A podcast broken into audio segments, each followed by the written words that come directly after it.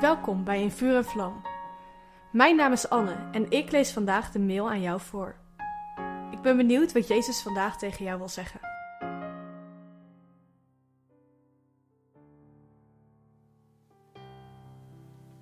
Zondag hadden we het over Jezus als onze dekmantel.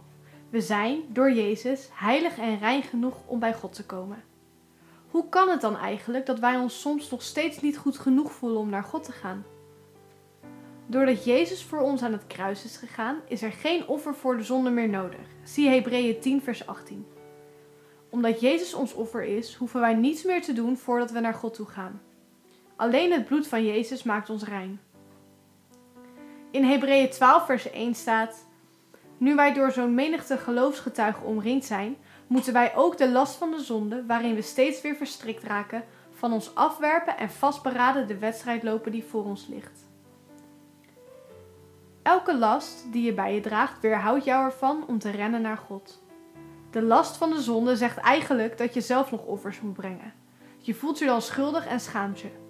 Deze last zegt dat je niet vrij bent en dat je eerst zelf je lasten moet dragen voordat je bij God mag komen. Soms kun je je dagenlang schamen of schuldig voelen over iets doms wat je gedaan hebt. Je kunt je een mislukkeling voelen die het vast nooit goed genoeg zal doen. Deze gevoelens van schuld en schaamte zijn een last die jij niet hoeft te dragen. Jezus heeft dit namelijk al gedaan.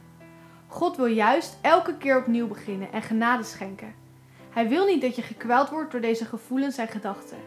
Je bent Gods liefde waard. God staat met zijn armen wijd open op jou te wachten. Welke straf denk jij nog te moeten dragen? Leef vandaag met de gedachte dat Jezus de straf al voor jou gedragen heeft en dat je vrij bent. Jouw identiteit wordt niet bepaald door wat je doet, maar door wie je bent, een kind van de Allerhoogste God.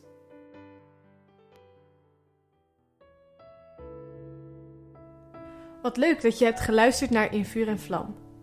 Heeft de tekst je geholpen om God beter te leren kennen? Deel In Vuur en Vlam dan met je vrienden. Meld ze aan op streef.nl slash in vuur en vlam.